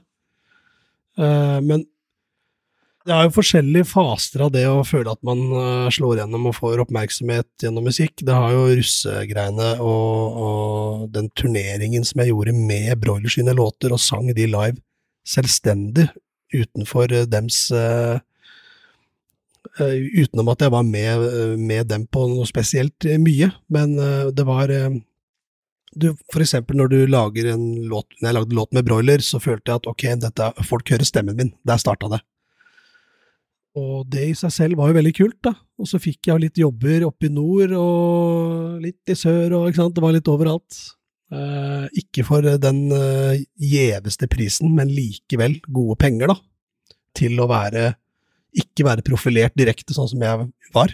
Uh, Freddy Genius var jo én ting, men det er klart at eh, jeg hadde ikke noe manager, eller Det var russemusikk, folk hørte på det, ja, men det var liksom ikke noen konsert stor konsertvirksomhet rundt det, da, den gang. Så um, det er jo én måte å få en anerkjennelse på, men det er en sånn glidende overgang, dette her òg, fordi jeg har liksom starta helt started from the bottom, på en måte, så jeg har liksom ikke helt kjent kanskje den fullstendige følelsen sånn direkte, liksom. Det tok litt tid, men som Freddy Kalas er definitivt en veldig stor forskjell på det enn det var da jeg drev med og sang Broilers sine låter, da. Men midt oppi alt eh, kaoset, og gleden selvfølgelig, her er det mange eh, sider av opplevelsen, da. Eh, og det er, veldig, det, er et, det er et yrke hvor det er så jævlig, det er jævla viktig å smile, da, for å si det sånn. Du skal være glad, du skal være på, du er jovial, du er sånn, du skal gjøre det. Eh, så finnes det også baksider. Eh, det er en bakside av medaljen, naturligvis eh, hvor du kan føle deg tappa. Eh, du kan føle deg eh, Du kan føle på press, du kan føle deg engstelig, du kan eh, Det er mye som kan skje oppi et sånt sirkus. Om det er verdt det for meg? Ja, det har vært det. Virkelig vært det. Eh, men jeg er på en måte litt i en sånn personlig reise nå, hvor jeg må prøve å finne ut av hvordan det er å være Fredrik i Freddy Kalas-sirkuset. Fordi Freddy Kalas kan ta veldig mye plass i livet mitt, og det gjør at eh, Fredrik forsvinner litt. Dette er noe jeg sjøl må ordne opp i. Eh, Det er kun meg selv som kan fikse opp i dette her. Hvis jeg lar omgivelsene ta overhånd, Sånn, jeg, jeg står jo på scener, jeg blir jo påvirka av dette her, da. Jeg tar jo dette til meg, og jeg blir en del av det. Hvis jeg lar det komme for inn på meg, så Og det er også positivt å oppleve det og føle å være det eventyret, men hvis det skjer i for stor grad, så kan jeg miste meg sjøl igjen, for jeg har følt at jeg har gjort det allerede. Eh, nå er jeg heldigvis tilbake, men det var en ganske tøff start for meg, fordi jeg kom ut fra en ubehandlet eh, sykdom. Det er klart jeg hadde jo begynt å svømme med alt dette her, men det var likevel en del i tankemønsteret mitt og i følelsesregisteret mitt som ikke var bearbeida. Så jeg gikk inn i det ubearbeidet, og, eh, og uh, dette er sjokket jeg fikk da, fra å være mye syk, være mye hjemme, tvile og alt dette greiene her, og plutselig bare stå på en scene og ha førsteplass på Spotify. Du står på VG-lista og synger. Det er jo et vanvittig, vanvittig stort, stor overgang. Det er jo dag og natt. Og det å håndtere det på rak arm, og vite at uh, her er det kjempemasse mennesker som hører på musikken din, du skal få tilbakemeldinger, du skal lage en ny låt, det kan være beintøft. Og det her er kanskje litt sånn tabu å prate om, fordi uh, har jeg fått inntrykk av, da. Fordi at det er en bransje hvor man skal være glad, og man skal være et forbilde, og man skal ikke klage, ikke sant? Fordi det er jo så bra og fint. Men dette her er ikke klaging, dette er baksiden av medaljen. Det er, pre det er prisen å betale for den premien du får. Eh, og det er viktig for meg og at folk også hører og vet. At det er ikke bare en dans på roser. Men det kan være veldig intenst. Og dette var også litt med det at jeg reiste veldig mye. Det hagla inn spillejobber, ikke sant? Og man tok litt mindre jobber og litt større jobber, det var mye forskjellig, og det er liksom for å bygge seg da et nettverk da i markedet og liksom bli kjent med arrangørene. Klart at er du hyggelig og spiller et sted, og, og arrangøren merker det, så ringer han deg kanskje om ti år, ikke sant? Så vi måtte bygge opp et nettverk. Og da var det veldig mye jobber. Og det er klart at det ga meg en skikkelig trøkk til slutt, da. Naturligvis. Sånn som man er overarbeida, som alle er. Um, så um, ja. jeg kan bare se for meg liksom det å Herregud. Som du sier, som er en vital, eh, i hvert fall fra mitt ståsted, så det du har fortalt nå, da. Det ja. å komme fra den bakgrunnen hvor du hadde slitt i mange år med mm. angst og vært mye hjemme og, ja. og alt det, og så få bare helt ubeskrivelig mye oppmerksomhet, da. Mm. Altså, det er som jeg sa i stad, du har over 300 millioner streams. Mm. Det er ganske sinnssykt, da. Mm. Og jeg kan jo bare se for meg Altså, jeg har fulgt deg hele karrieren din, liksom, vi er venner på Facebook og alltid vært det, jeg har alltid sett sånn jevnt hva du driver med. Ja. Altså, du har fylt scener i hele Norge, da. Mm. Det må jo, som du sier, være et visst også det er jo på en måte mye forventninger, da. Ja, lag, ja, lag én hit, liksom. Nå ja. må det komme en til. Yes, akkurat. Og det er det. Din musikk er jo også veldig sånn Det er deg, du skjuler deg ikke bak Sånn som en DJ, kanskje, som bare står og skjuler seg liksom bak DJ-bula. Du viser jo trynet ditt og synger dine tekster mm. og som du sier det er litt sant det du sier der, ja. ja må være litt sånn gå i karakter, da. Ja, man, bli... gir, eh, man gir liksom 130% og så skal man synge, bruke stemmebåndet. Altså, jeg har vært så mye svimmel på den scenen. ja, det er helt uh, Er det rart man tar seg et glass med sprit noen gang, liksom, før man går på? Ja når det sto på som verst, så var det litt mer vanlig å feste litt. Det har roa seg ned. Det, det, er jo ikke like mye Det blir jo litt færre jobber nå, men bedre betalt, da. Så det er liksom man må jobbe seg inn for å få de mulighetene til slutt. Uh, man må selge seg sjøl litt i starten, rett og slett. Men ja. det har jeg fått igjen for i dag, da. Så nå, nå, har jeg muligheten til å koble av og være Fredrik og Men det som er at uh, jeg er jo veldig viktig at jeg sier at jeg er jo Fredrik i Fredrik Kalas-karakteren også. Så absolutt, det er ikke det at jeg uh, skaper en greie, så gir jeg faen i det, liksom. Absolutt ikke. Jeg uttrykker akkurat den jeg er, gjennom musikken. Det er, de er følelsene mine som er på papiret. Og, men det å være i en sånn intens rolle, da, kall det, det kan gå utover, eh, litt utover hverdagen. Men jeg leter etter balanse, og jeg er på vei til å finne det.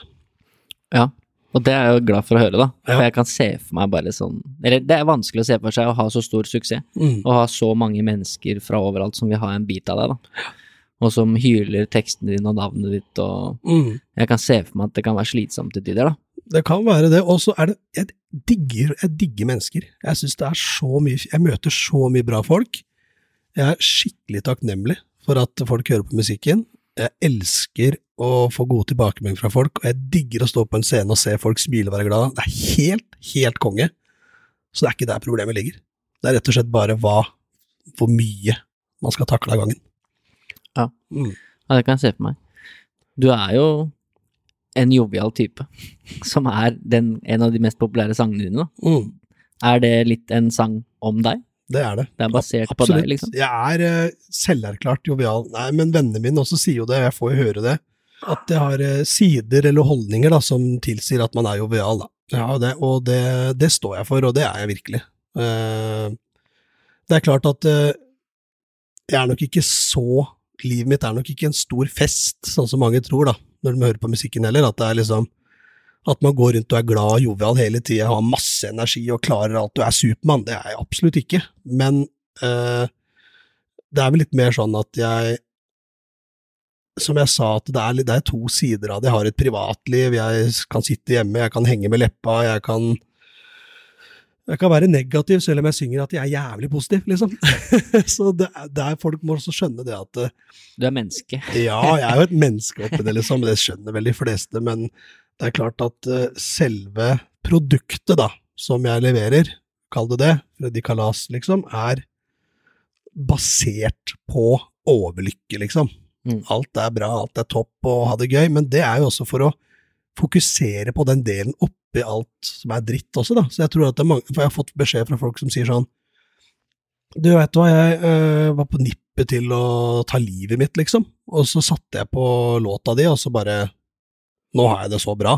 Så da funker jo som terapi, da. Og det håper jeg det gjør. Og det gjør det for meg også, å liksom gi andre Å høre sånt, og gi folk en glede, og gi folk øh, noe som kan forandre. Det er en enorm gave, og jeg tenker mer og mer på det jo eldre jeg blir, jo mer innser jeg egentlig hva jeg driver med. At du har litt innflytelse, kanskje, ja? Det du mer enn jeg mer enn jeg har Altså, jeg, jeg har skjønt det, men jeg innser det bare mer og mer. Mm. Eh, og jeg kjenner at det er en sånn drivkraft i meg, altså. Ja. Mm.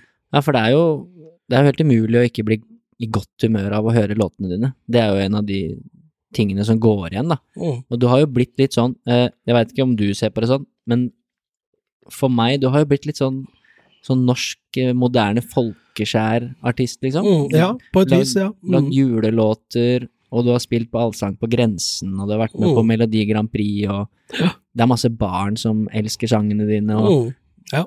det har jo truffet liksom ganske mange forskjellige, hva skal du si, målgrupper, da. Ja, det har vært borti alle, tydeligvis. Det syns jeg er litt uh, sprøtt, da. Men jeg ser, tenker liksom tilbake på sånn Jahn Teigen, han eh, gjorde det samme han òg, på en måte. Ja. Uh, det er kanskje noe med sjangeren, jeg veit ikke, som gjør at det samler folk på en eller annen måte, og det er, det er noe positivt med det. Og det er, liksom, det er så vanskelig å være negativ når du hører på en positiv sak, på en måte. Ja. Det er liksom litt sånn, det er nesten sånn eh, sånn p- eh, låt som er sånn Prozac på, på sprøyte, liksom. Ja, du blir i godt humør av låten dine, det er Ja. ingen tvil om. Men hvordan er det å Du sier nå at du du har tatt det litt mer innover deg. Liksom Ja. alt, hva det vil si å være artist og ha suksess og, Mm. og sånne ting. Og at du også kanskje forstår litt den innflytelsen du kan ha på folk. Hvordan er det å, når du står i det og lager hit på hit, som du gjorde, da, 'Pinne for landet', og så Mm. 'Jovial', og så 'Feel the Rush', og så den julesangen, og det liksom Klarer man å ta det innover seg når man står i det, hva man egentlig driver med? Nei, det er det, det er det liksom det er, det, det er så godt spørsmål, fordi ja, jeg gjorde det på en måte, jeg skjønte det, men jeg var så opptatt av å jobbe. Jeg var så opptatt av å fullføre de jobbene. Men nå som koronaen kom, for meg, for min del, veldig glad for det, for da fikk jeg tid til å reflektere og lande. Og da skjønner man jo enda mer hva man driver med, fordi at her er man Eh, man er på et kjør, omtrent, liksom, i de åra. Og eh, i positiv forstand. på kjøret? Nei da. Nei, men eh, ja. Og koronaen har virkelig hjulpet meg der. Altså, jeg føler meg mye mer klar for å jobbe igjen nå. Jeg synes det er kjempedeilig, og jeg møtte en fantastisk dame. Altså, vi er så match at uh, Ja, for du har hatt kjæreste et par år nå? vi har vært sammen et par år, og uh, begge er uh, fra bondelandet, for å si det sånn. Jeg er fra Skoger, du er fra Hoff. Det er mye likt. Det er, mye, det er en bra match. Selv om jeg er en rotekopp og hun har støv på hjernen. Men sånn er det vel i de fleste dere, dere har slått dere til ro på Åskollen? Ja, jeg har bodd der i Nå har jeg bodd der siden 2018. eh, og hun flytta inn der nå eh, for eh, ja, Hvor mange måneder siden er det? Tre? Eller noe sånt? Fire? Tre? Ja, for du er jo en helt eh, Bak Freddy Kalas så er du en helt vanlig kar fra Drammen som liker å gå på tur og være i skauen og Det er jo litt sånne ting du legger ut på Facebook og sånn, da. Mm, stemmer. Jeg er en eh, jeg er en livsnyter. Jeg er en uh, rolig uh, klovn, holdt jeg på å si. Jeg kødder veldig mye, da. Jeg liker å Ja, jeg er veldig glad i humor. Jeg har det fra pappa, tror jeg. Uh, men jeg er en sånn skøyegutt, og veldig følsom, empatisk, reflektert. Kanskje noe nevrotisk i perioder. Um, ja, sensitiv, tenker mye, altså. Veldig, jeg, veldig, jeg føler kanskje jeg har litt overhøy moral noen ganger, som gjør at jeg kan få litt sånn svart-hvitt-bilde på, på uh, realiteten. Men uh, jeg jobber med det. Personlig utvikling er viktig for meg, i hvert fall. Jeg liker å uh, forbedre meg på det, eller dempe meg på det. Altså, jeg driver hele tida og regulerer meg sjøl. Det er jo akkurat som at det er en sånn hvis du ser for deg du spiller WoW, da, så skal du ha så og så mye Hva er det de har for noe? Eh, stamina Jeg styrer livet mitt på den måten. Da føler jeg at jeg står liksom på utsiden og ser meg selv, og så må jeg gjøre eh, Bli flinkere på det, eller ikke sant? Litt sånn, litt sånn type, da. Men det eh, tror jeg er en god egenskap. ja, det, det har gjort, det fulgt meg og gjort meg godt, eh, vil jeg tro. Og så tror jeg det at jeg kanskje kan ha uh, missa noen sjanser jeg burde tatt, da, fordi jeg har reflektert for hardt over ting, for eksempel. Eh, det fins jo litt mer impulsive folk i bransjen enn meg, kan du si. Jeg bruker, kan bruke lang, veldig lang tid på å bestemme meg på ting, og uh, litt sånn når vi lager musikk, da, så kan jeg være litt sånn Nei, men det må være litt høyere der, og litt lavere der, og mer bass der, altså. Nei, du, vi må stoppe den her, og så må vi få ny master på låta før vi gir ut, og de andre er sånn Nei, slutt å overtenke, liksom. Jeg er litt sånn overtenker, da, kan du si. Ja, men det er jo bra. Det viser jo også at du er bare dedikert i jobben din, da. Du vil Jeg at det skal være bra. eh, ja, jeg tror det, eh, Elo, at perfeksjonismen, kall det det, da, har på en måte eh, vært en støttespiller, men også en liten, liten fiende. Litt styggen på ryggen, også, fordi at den skal man, man dømmer seg sjøl mye, da. Man tenker liksom Har man en positiv innstilling på noe, så kan jeg plutselig etterpå, noen timer etterpå Nei, men det var ikke så bra, fordi at eh, Nei, det skulle hørt, hørtes mer sånn ut, jeg skulle synge mer på den måten, vi skulle ha mer uh, reverb og mer uh, Altså, det er bra å analysere, men jeg kan ofte drukne litt i min egen uh, kreative prosess, på en måte.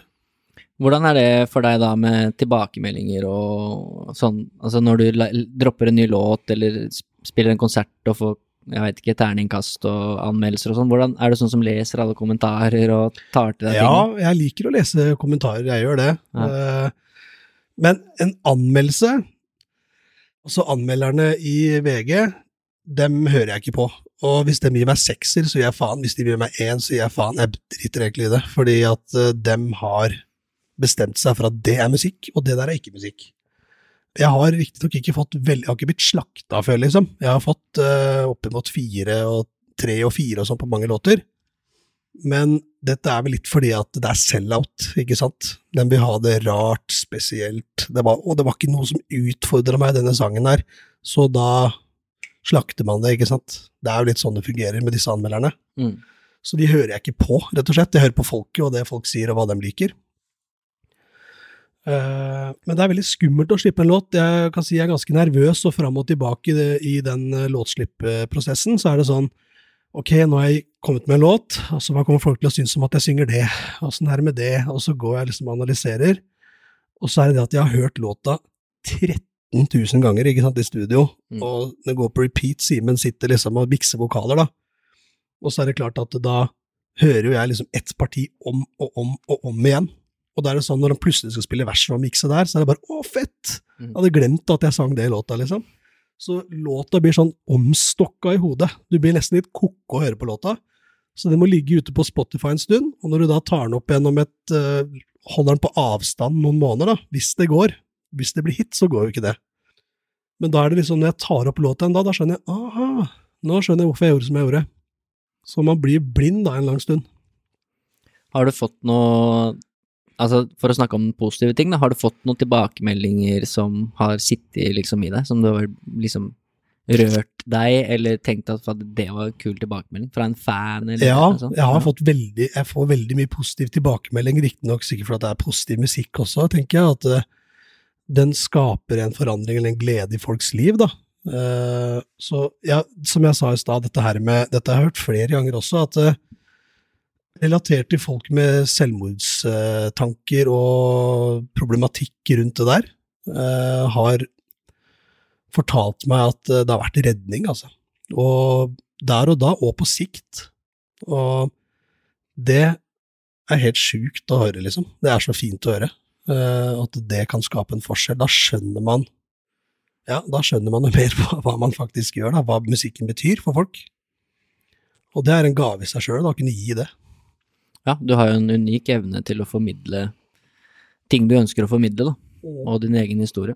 Men jeg tror det er mange som må eller jeg vet det er mange som kommer til å synes det er kult med denne episoden her, å høre også litt sånn hvem er egentlig Freddy Kalas? Ja, ja. Mm -hmm, det er jo umulig å se for seg hvem du er bak han, på en måte, mm. og hvordan du har kommet dit, og Ja, det er ingen som vet, ikke sant. De kjenner meg ikke. De, de ser liksom eh, Og det er ikke det at de ikke De skjønner vel at det er et, er et privatnivå, men det er klart når folk møter deg, så tar de deg for det de vet der og da, og det er jo helt normalt, og spesielt hvis du er en artist som er på TV og sånne ting, så kan folk tenke at ah, der er han der eh, narsissisten, er høy på seg sjøl. Det, det kan jo komme litt sånn, sånne greier, da. Folk tror liksom at det ja, han lever det livet, liksom. Det er bare det de ser, da, men det er klart, jeg har eh, Ja, jeg lever som en helt vanlig fyr ellers. Og, eh, men Freddy Kalas er Mye av Freddy Kalas er noe jeg er, selvfølgelig, men det er også veldig mye jeg gjør. Så man er jo ikke hele den pakka, man gjør det, men man er seg sjøl oppi det også, da, naturligvis. Jeg gjør det av hele mitt hjerte, hele greia her. Det jeg synes jeg, som jeg har lyst til å prate med deg om, som jeg, jeg tror du kan ha mye bra tanker på, som du allerede har nevnt, da, og Mm. ikke til sammenligning på noe som helst måte, fordi at det du har oppnådd er så mye større enn eksempel det jeg har vært med på, Mm. men i min verden, da, håndball som har vært de siste åtte årene, Ja. så, i den verden så har jeg liksom gjort det meste du kan gjøre, Ja. Uh, og vært med å, i Champions League-finaler og liksom vunnet norgesmesterskap, alle sånne ting, Mm. Ja. og Det går jo ikke an å sammenligne med det du har gjort, men jeg har kjent på mange av de tingene som du beskriver nå, som jeg også kjenner på nå, at Mm. nå har jeg liksom Akkurat nå, egentlig, i, Mm. i den perioden jeg har vært i nå, jeg har gjort alt i gåsetegn innenfor håndball. Ja. Det er ikke så mye mer å tenke veldig på det å bytte beite, og det kommer jeg til å gjøre. Mm. Uh, og så er det litt sånn vanskelig òg, for at du putter mye av identiteten din inn i det. Mm. Uh, og så liksom, hva er neste? Ja. Det jeg lurer litt på med deg, er når du For mange jeg har snakket med som har vunnet ting, Ja. De, som du sier, når du liksom klatrer det fjellet, Mm. så er du helt liksom i sonen. Mm. Du er opptatt med det. Du, du rekker ikke å ta ting Nei. inn, eller se hvordan det ser ut rundt deg. Kanskje glemmer du å sjekke inn hvordan folk du er glad i, har det og sånn. Ja. Eh, og så kommer du på toppen Mm. og vinner gull, eller eh, er på førsteplass på Spotify. Mm. Og så kan man merke for mange som jeg har snakka med, at men jeg er jo ikke lykkelig. Nei. Eller sånn, hva Ok, nå er jeg på toppen, hva er det for noe? Hvor skal jeg videre nå? Uh, og det er litt sånn spent på om du har følt på, med alle disse hitene du har hatt, liksom, Mm. hva er neste? Og hvordan Hva er neste for Fredrik, eller Freddy Kallas nå, da? Ja. Hva skal du måtte gjøre videre? Du er bare 31 år. 32. 32 ja, du er litt eldre enn meg, da. Ja. Men vi skal jobbe Når fyller du, da? i juli. I juli, ja. Men det er også, vi er unge, da. Vi er Nei, 30, har bursdag på sommeren, ass. Det skulle jeg ønske jeg hadde sjøl. ja, det er fint. 31 år, 32 år, da. Mm. Du har oppnådd så sjukt mye allerede. Ja. Og så skal du jobbe i 30-40 år til, hvis man Mm. tenker en liksom vanlig liv, da. Ja. Liksom, vi er så tidlig i, i arbeidslivet Ja, at eh, det er nesten skummelt å tenke på. Hva er liksom veien videre for deg, og, og har du noen tanker rundt det jeg nevnte med det å klatre opp det fjellet, stå på toppen, og hva nå? Ja um, Hva skal jeg si, ja? Jeg ehm, Jeg tenker jo på en måte det at jeg har uh, nådd målet mitt i drømmen. Det gjør jeg. Men likevel så er det sånn, når man er der oppe, da, når du står på dette fjellet, da, og tenker at ok, jeg har klart dette her, hit har jeg kommet, så er det viktig å skjønne at eh, det er ikke sikkert du får den nøkte samme følelsen igjen på samme måte, selv om det føles veldig digg. Det er en enorm sånn mestringsfølelse, da. Eh, og den største man har, er når man står liksom Når jeg sto på VG-lista, da spilte jeg, sånn at jeg blir det noe bedre enn det her, liksom? Jeg tror det er viktig å ikke bli avhengig av det å henge seg for mye opp i liksom at det skal bli så mye større og bedre hele tiden, men at man er fornøyd med det man har gjort, og så må man finne en ny glede i det etterpå. På andre måter. Ja, for det er jo ja, det er bra sagt. Mm. For hvis du bare skal liksom jakte at ok, neste sang jeg slipper, må få flere streams. Ja. Hvis ikke du får det, så er det på en måte ikke bra nok. ja, det er et svart-hvitt-tankegang. Ja. Eh, den sleit jeg litt med før. At jeg var litt sånn ok, jeg må lage en låt som blir like bra som den. Å nei, nå fikk jeg ikke førsteplass, nå er det noe feil. Da tenkte jeg nå er jeg bortskjemt, nå må jeg skjønne at det her det, er litt det, det er litt det jeg mener, da. Hvordan, Ja. hvordan har du takla det, liksom? Jeg har takla det fint. Det var en kort periode hvor jeg bare ok, hvorfor, hører, hvorfor, hvorfor er jeg ikke så høyt oppe på listene nå, liksom? Men jeg skjønte jo det at det her handler jo egentlig ikke om at jeg ikke er god nok eller gjør det bra nok, det handler mer om at jeg eh, har hatt min storhetstid, og da går det litt ned, på en eller annen måte. What, what goes up must go down. Det er jo en, eh, det er jo en eh, riktig phrase, det, og det er liksom Du har klart å akseptere det, på en måte? ja, ja, og jeg har, jeg har, bygd, jeg har bygd Freddy Kalas er et varemerke nå som er takket være fansen og folk som lytter, og folk som er positive til det jeg gjør, så fortsatt eh, Så lever det fortsatt eh, veldig godt. Det er Jeg får spillejobber, jeg, eh, ting går bra, men det er klart at jeg er ikke på alle skjermer å se, liksom. Jeg er ikke overalt. Jeg gjør ikke ting hele tiden, men det kommer litt i perioder, da. Men eh, jeg er veldig fornøyd med at det også går ned. Det gjør at eh, man får mye mer krefter og overskudd til å komme seg opp igjen. Da. Og da vet jeg litt uh, hva som er der også, og jeg tror nok ikke jeg kommer til å tillate meg sjøl å eh, få for kick på det, hvis du skjønner. Fordi det er så overveldende. Ja. Men det kommer aldri til å bli det samme som det var. Men jeg føler at eh, det er deiligere å ha det sånn som jeg har det nå. Nå har jeg mye mer kontroll. Jeg føler at jeg har blitt eldre, ikke sant, eller jeg har jo blitt eldre, og føler at tankesettet har forandra seg, jeg får mye mer ro rundt det jeg gjør. Om jeg kommer til å fortsette som artist i mange år framover, hvem veit? Foreløpig eh, tenker jeg ja, Eh, men kanskje jeg driver med noe annet, jeg vet ikke. Ja, det syns jeg er interessante tanker, og fint å høre, da. At eh, selv om det nå har roa seg litt med Freddy Kalas, så Mm. føler du at du nesten har det bedre enn da det liksom var helt på topp, og du spilte på scener, og det var helt Alle hørte på Freddy Kalas. Ja. Fordi jeg tror Man leser jo om alle disse artistene som det går dårlig med, da. Mm. Uh, og jeg kan skjønne det når du forteller det du gjør, og, Mm. og når man ser litt dokumentarer som har kommet ut, Avicii og sånne ting. Jeg Ja. kan skjønne at det er overveldende. Ja, og hvis du har med deg bagasje da, hvordan skal du takle liksom alt det greiene der? Som mange da ikke gjør. Mm. Uh, så jeg er glad for å høre at du faktisk nå føler at du har det bedre enn når du måtte være på topp, da. Ja, altså, da jeg var på topp, så hadde jeg det veldig bra, uh, men uh, det er, det er på sikt at det går ned, da. Mm. Så jeg vil ikke si at det er jo ikke negativt til at det går bra, liksom, men, men at når det går Når det skjer veldig mye på en gang, og jeg var såpass ung når jeg starta, så blei det veldig overveldende. Jeg aner ikke åssen det blir framover, men jeg håper jeg liksom får tilpassa det skikkelig, da. Eh, Men det er fint at du sier det, at eh, du er glad for det. For det er ikke ofte jeg prater om det her, annet enn til kjæresten min, egentlig. Så det er litt gøy å komme hit og dele det med deg òg, da. Og med mange potensielle lyttere. Men det er Ja. det, det jeg syns er kulest med podden, det er å få lov til å ha de samtalene. Mm. Det er selvfølgelig hvor mange som hører på sånn, det er viktig, men det viktigste er egentlig, eller kuleste er å få oppleve den samtalen, Ja. og høre din historie, da. Ja, Fordi så artig, da. Det er kult. Ja. Men hva er veien videre, da? Hva er liksom eh, de neste Ikke sånn er 30 år fram i tid, men liksom Ja. nå, da? Skal du ha konserter igjen og Ja, det er jo Det blir jo Sommeren er jo Det er vel nesten fullboka. Det er litt sånn her kan du se. Wow, skal jeg rett inn i sirkuset igjen? Jeg gleder meg, det blir fett. Jeg. Det kommer til å kose meg veldig. Uh, det er det, og så er det da låtproduksjon. Jeg driver og skriver nye låter.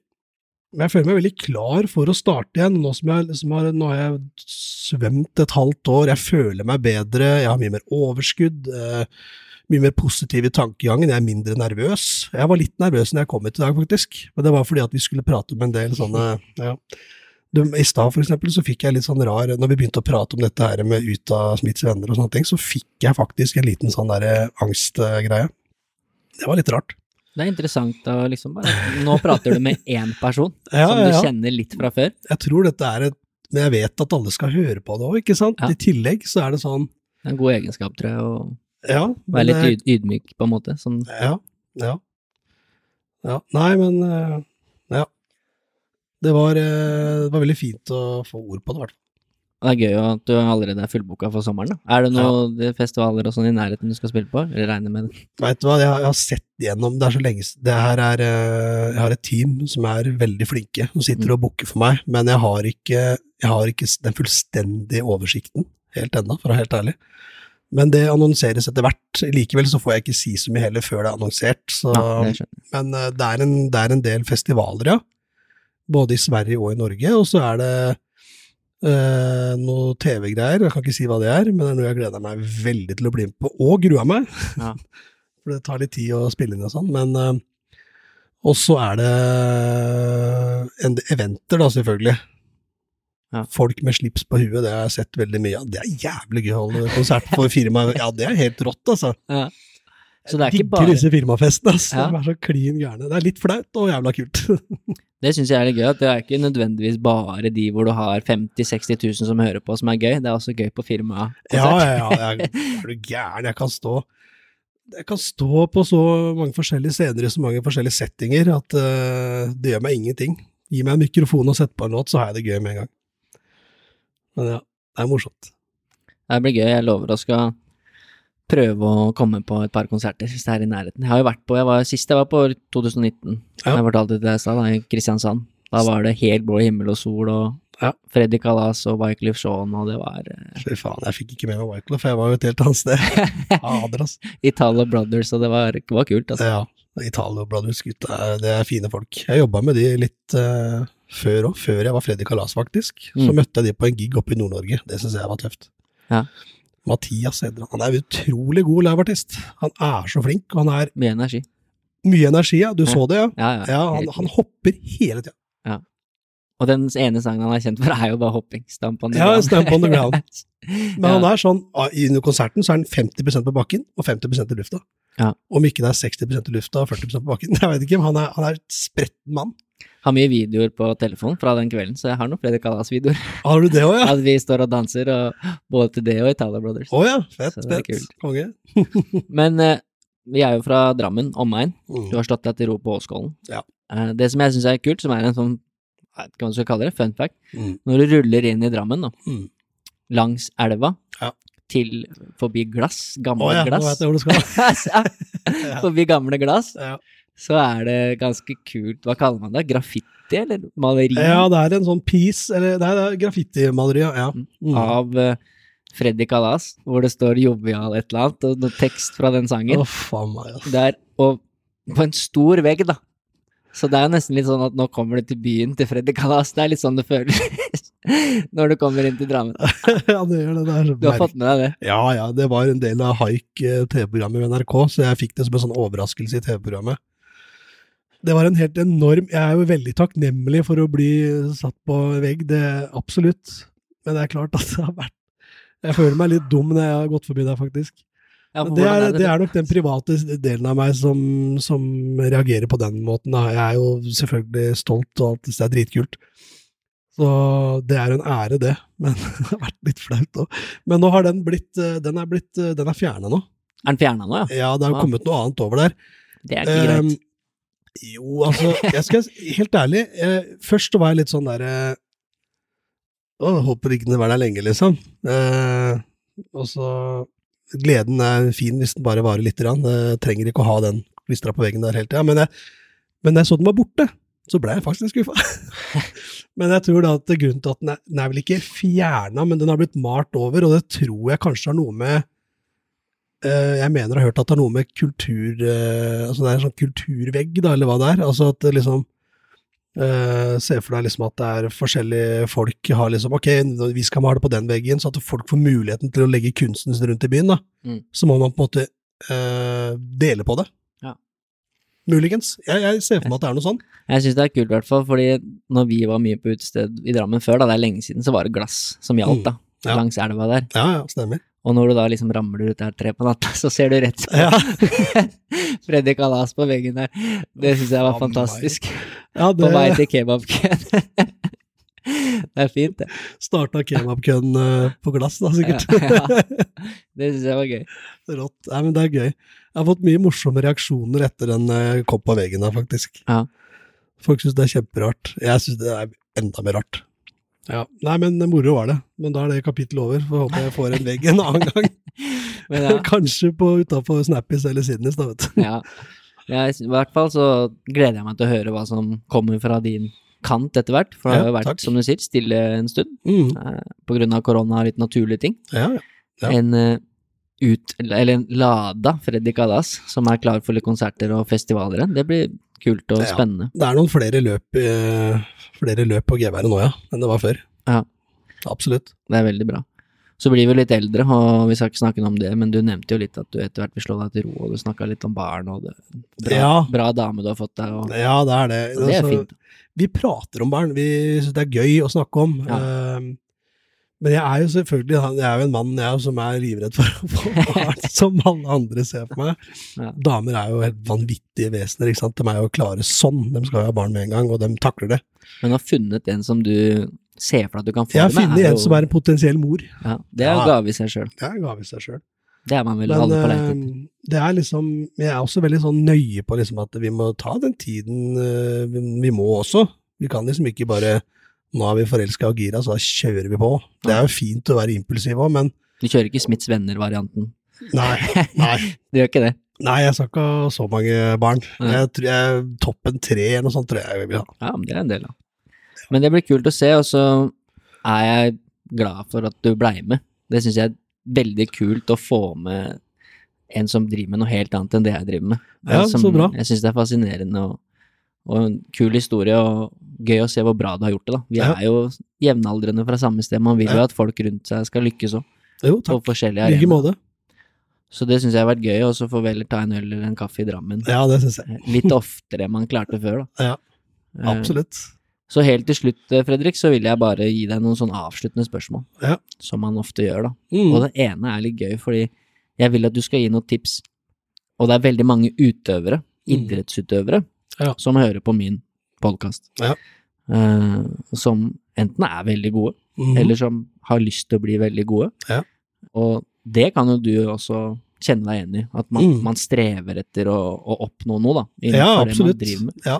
Hva er på en måte dine tips, tanker til de som er litt Der hvor kanskje Fredrik Auke var når han var i gang med litt russelåter, eller sto i kantina da og spilte konserter. Nå spiller du konserter for 60 000-70 000, liksom. Ja. Har du noen tips til de?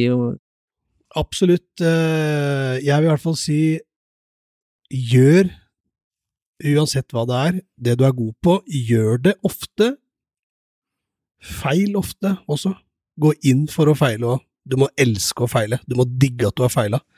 Fordi det å feile er en stor gave i seg sjøl. For det å aldri prøve, det kommer det ikke flekken av. Det hjelper ikke i det hele tatt. Du er nødt til å kjøre på og akseptere nedturen. Og så er det veldig viktig å um, Det er så vanskelig å legge ord på sånt, for det er, så, det er et ganske stort, men fint spørsmål. Jeg digger jo sånne spørsmål. ja, det er litt vanskelig. Ja, men det Det første jeg sa er jo greit nok, liksom. Men det er liksom øh, Drøm, liksom. Det er klisjé, men drøm. Ja. Fortsett med det. Gjør det. Og husk, det fins flaks. Også, i tillegg. Tenk på det. Eh, Så oppi alt strevet så kan det skjer det også mirakler og underverker, ikke sant. Plutselig så er det din eh, sjanse og mulighet som dukker opp. Ja, akkurat. Jeg hadde ingen anelse om at jeg skulle havne der jeg gjorde, i det hele tatt. Det var en eh, det var broiler som ble signert, og takket være det så fikk jeg mulighet til kontrakt. Altså, alt kan skje. Mm. Men det du i hvert fall har gjort, er å jobbe for det hele veien. Det har du gjort, da. Jeg har jobba for det, på, ja, jeg har jo det gradvis, da, ikke sant? Jeg, Mm. men det har fulgt intuisjonen og drømmen min og brukt kreativiteten min på en måte som gir meg en følelse at, uh, at uh, livet er verdig for meg, da. Mm. Så jeg får jo stort glede av det, å drive med kreative ting, og, og um, Og så er det viktig da at et kreative yrker, eller kreativitet i det hele tatt, kommer og går også veldig mye. Så det å forvente at du skal få til noe der og da, sånn, og så får du det ikke til, og så blemer du deg sjøl, ikke gjør det. Bare gønn på når du er kreativ, og når du ikke er kreativ, vent til kreativiteten kommer, eller få, gjør noe som øh, tenner den øh, kreative flammen i deg igjen. Mm. Det er et godt tips, da. Mm.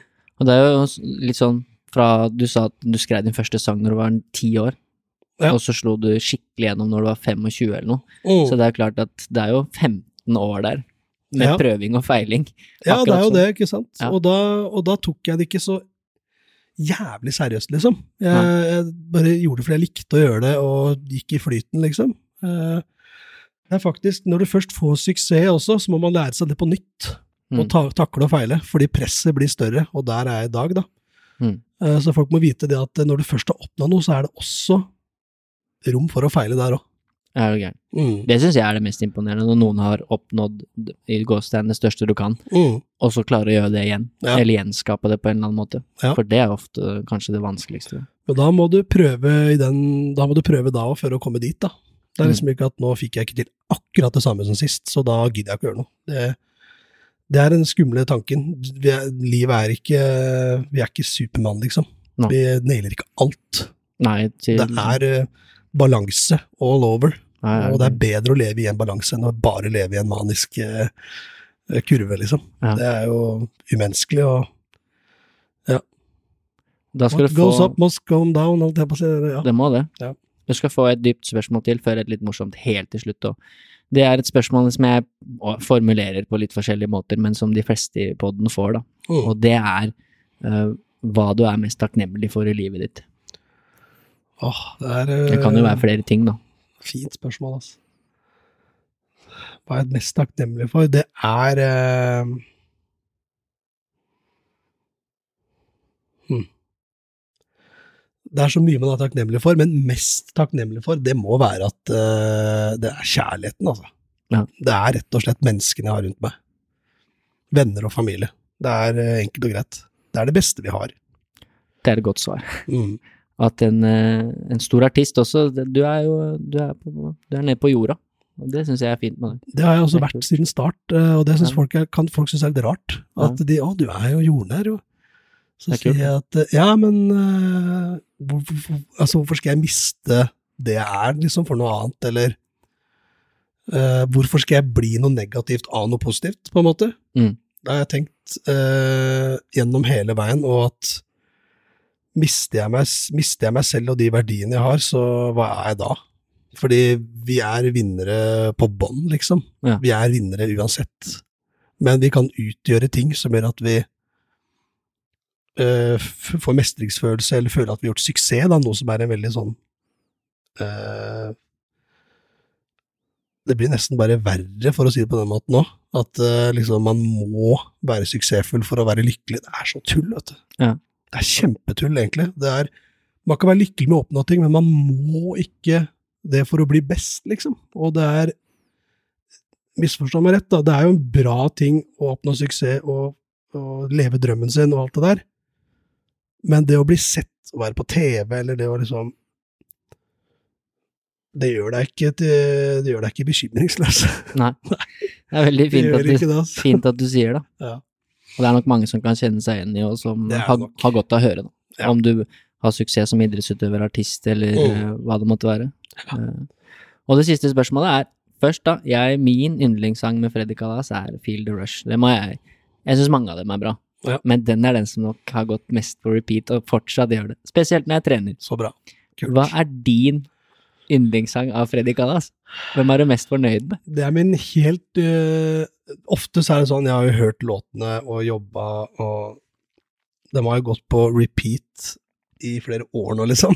ja. Så, så det, er, det er ofte den nyeste låta jeg gir ut, er ofte den beste, sier jeg. Ja. Uh, det er Shotski, den nye låta jeg har gitt ut. Det er shottelåt. Hemsedal, Trysil, Lafjellåt. ja. Det er liksom Pinne for landet vol 2, da, men det er kanskje ikke like mektig som Pinne for landet. Den er nok litt mer eh, Litt mer eh, stemning rundt bordet på afterski, liksom. Det er jo viktig. Viktig å ha det gøy, da. Men, jeg, men hvis jeg skal liksom Jeg tror eh, Jeg tror pinne for landet, kanskje, altså. Ja. Jeg tror det. Hvis jeg skal trekke fram en av mine gamle. Det er nok mange som er enig i det, og som liker den. Umulig, Ja. Også Ja, en sang det er umulig å ikke få på hjernen. Men eh, jeg skal ikke oppta all tida di i dag. Vi har spilt inn nå i ja, snart to timer. ja, Som vi sa. Faen, fort tida går. Det går fort. Men det har vært veldig, veldig fint. Jeg kom inn her i dag, så var jeg litt sånn rusten og litt, uh, litt nervøs for å, for å åpne meg så mye, men nå så kjennes det veldig godt. Ja, det er jeg glad for å høre. Ja, så dette var Og jeg er veldig glad for at du blei med. Det syns jeg er liksom eh, Ikke at jeg, jeg er ikke starstruck, men for jeg Nei, kjenner deg litt fra før. Ja, ja. Men jeg er på Mm. kanten til at jeg syns det er i hvert fall jævlig kult at du blei med, da. Ja, men tusen takk. Det er veldig fint. Veldig Ønsker, deg- ønsker deg lykke til videre, og så får vi bare opprettholde kontakten litt, sånn som vi har gjort fra og til. Yes. Takk skal du ha. Takk. Tusen takk for at du har satt av tid til å lytte. Det setter jeg stor pris på, og jeg håper at du sitter igjen med noe verdifullt. Hvis du ønsker mer inspirasjon til trening og helse, følg meg, coach Elo, på Instagram. Der kan du også stille meg spørsmål, samt komme med tilbakemeldinger til podkasten. Du finner lenken i episodebeskrivelsen.